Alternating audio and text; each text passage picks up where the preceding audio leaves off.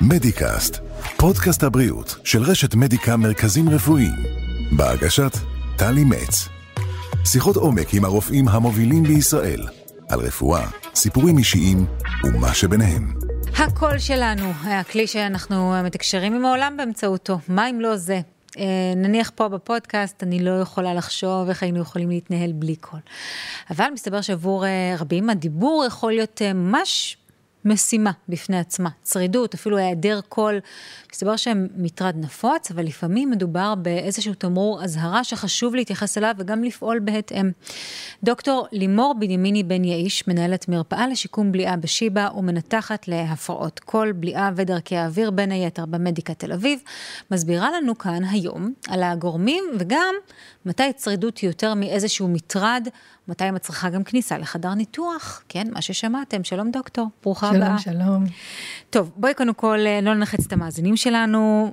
צרידות זה דבר נפוץ, אנחנו מכירים את התופעה הזו, אבל כן אני רוצה שתחדדי עבורנו, מתי צרידות דורשת איזשהו בירור מעמיק יותר. צרידות דורשת בירור יותר מעמיק ברגע שהיא ממושכת, יותר משבועיים, שלושה.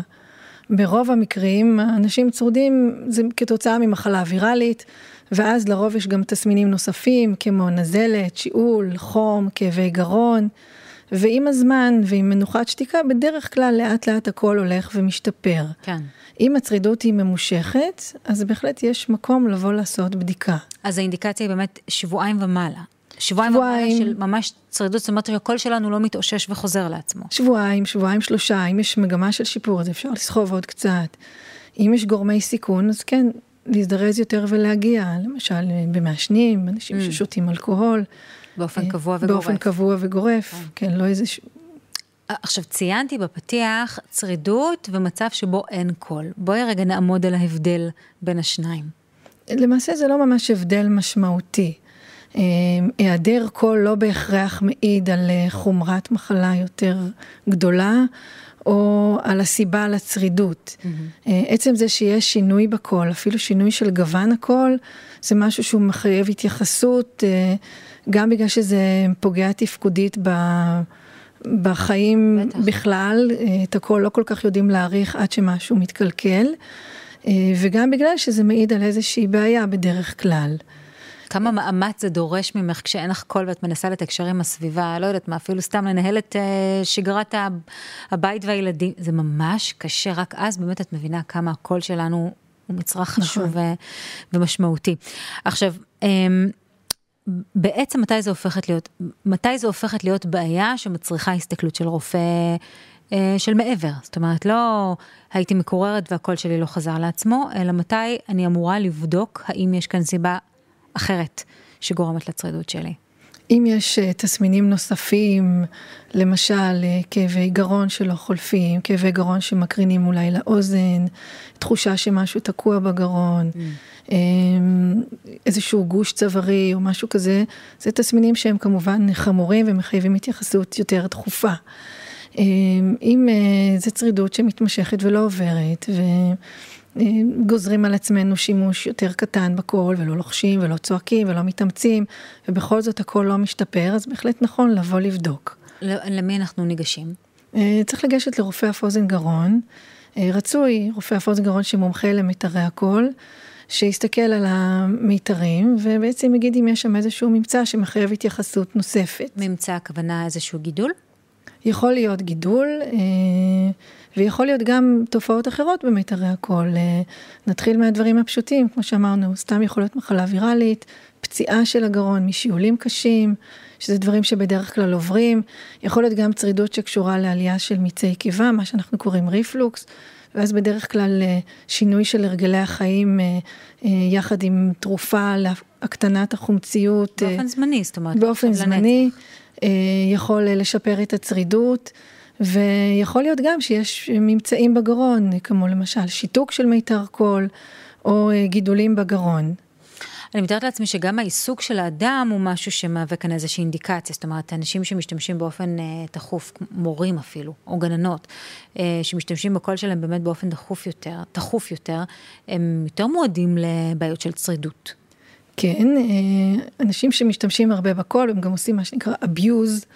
זה אנשים שצועקים, לא בהכרח מתוך כעס, אלא כן. צועקים כי צריך להגביר את הקול מול כיתה הומה, או מול אה, רעשי רקע, למשל למדריכי טיולים, אנשים אחרים שעובדים בחוץ.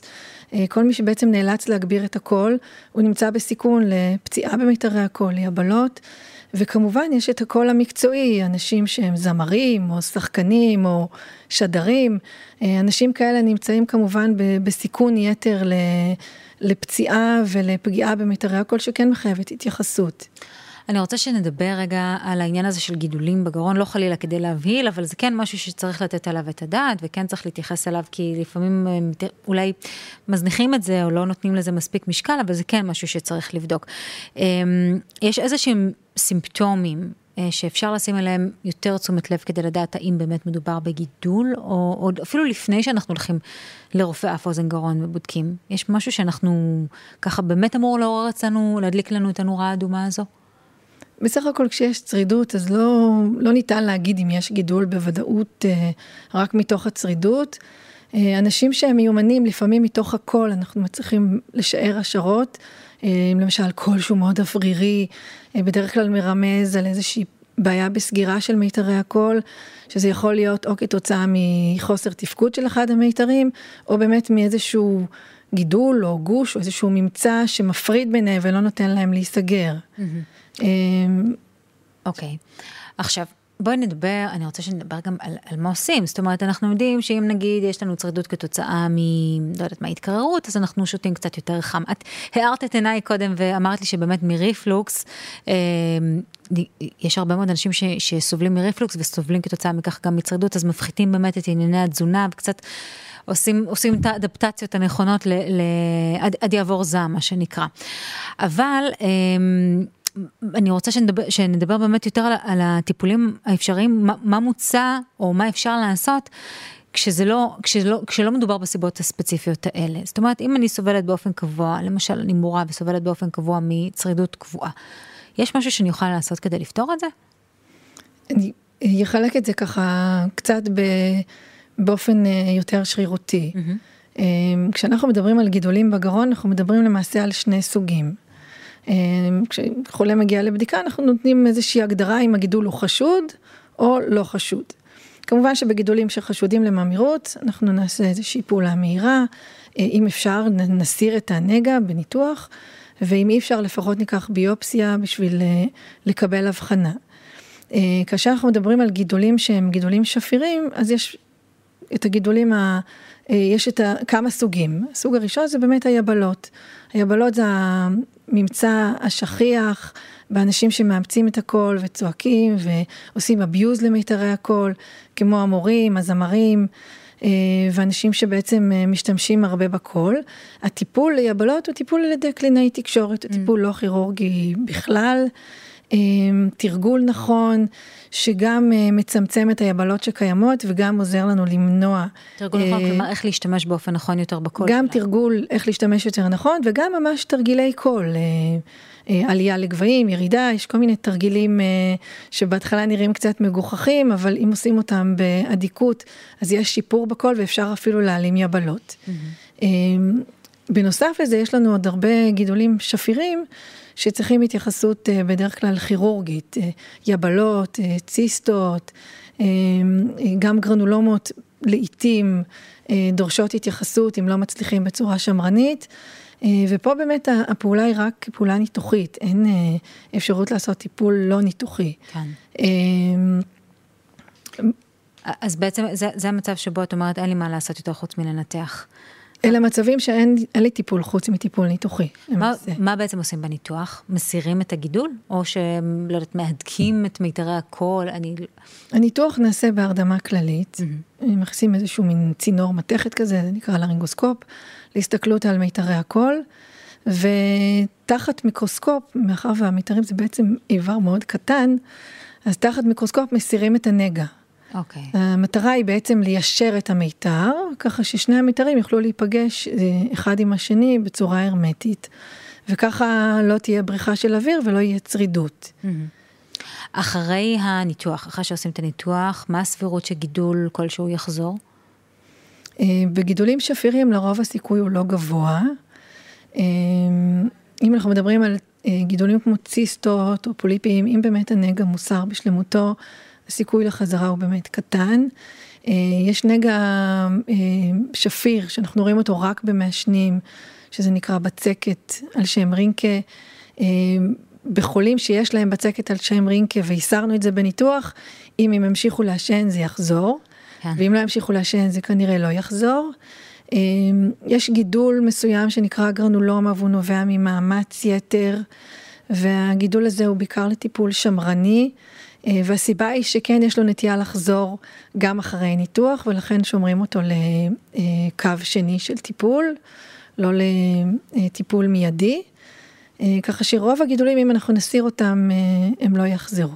שזה משמח, שזה מעודד, כי אם כבר הגענו למצב שבו צריך לנתח ואין אופציה אחרת, אז לפחות אנחנו יכולים להתנחם בכך שרוב הסיכויים שזה לא יחזור על עצמו. מה קורה אחרי הניתוח? איך חוזרים לתפקוד רגיל? בעיקרון, אה, חולים אחרי ניתוח יש להם קול. זה לא שאין קול, פשוט הוא קצת צרוד, ואנחנו כן נותנים הנחיה לשתוק שבוע ועוד איזשהו... איזה קשה זה.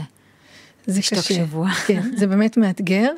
אה, אם ממש חייבים לדבר, אז אפשר מילה פה ושם, אבל ממש לא לחזור לתפקוד מלא עם דיבור בטלפון ומאמץ קולי ועבודה, בטח אם זו עבודה שהיא מחייבת דיבור מרובה. ואנחנו גם מבקשים מאוד להקפיד על מניעת רפלוקס. כי גם חומצות שעולות בעצם מפחיתות את התוצאות של הניתוח. כן. זה, זה אגב נפוץ העניין הזה של רפלוקס, הקשר בין רפלוקס לאנשים שסובלים מצרידות? למעשה כן. כן. כן, כי רפלוקס הרבה יותר נפוץ ממה שאנחנו חושבים. זה מין הבחנה איזוטרית כזאת, כן. שהדרך שה... הכי נכונה לאבחן אותה זה פשוט לתת טיפול ולראות אם זה עובד. בסדר, השורה התחתונה היא שיש מה לעשות, יש איך לטפל, גם התוצאות הן טובות, זאת אומרת, אמ, זאת אומרת, גידולים שלא חוזרים ושיפור באיכות החיים באופן משמעותי, ואני חושבת שזה משמח יותר מהכל, שבאמת יש פתרונות. יש פתרונות. יש, יש פתרונות ואפילו טובים למדי. דוקטור לימור בנימיני בן יאיש, אני ממש מודה לך שבאת אלינו. תודה, תודה על uh, מתן uh, משאב האופטימיות לאלו שסובלים מצרידות וממש ממש מתקשים להתמודד איתה. הנה, דעו לכם שיש מה לעשות ויש איך לפתור את זה. תודה רבה שבאת. תודה רבה. מדיקאסט, פודקאסט הבריאות של רשת מדיקה מרכזים רפואיים. בהגשת טלי מצ. שיחות עומק עם הרופאים המובילים בישראל. על רפואה, סיפורים אישיים ומה שביניהם.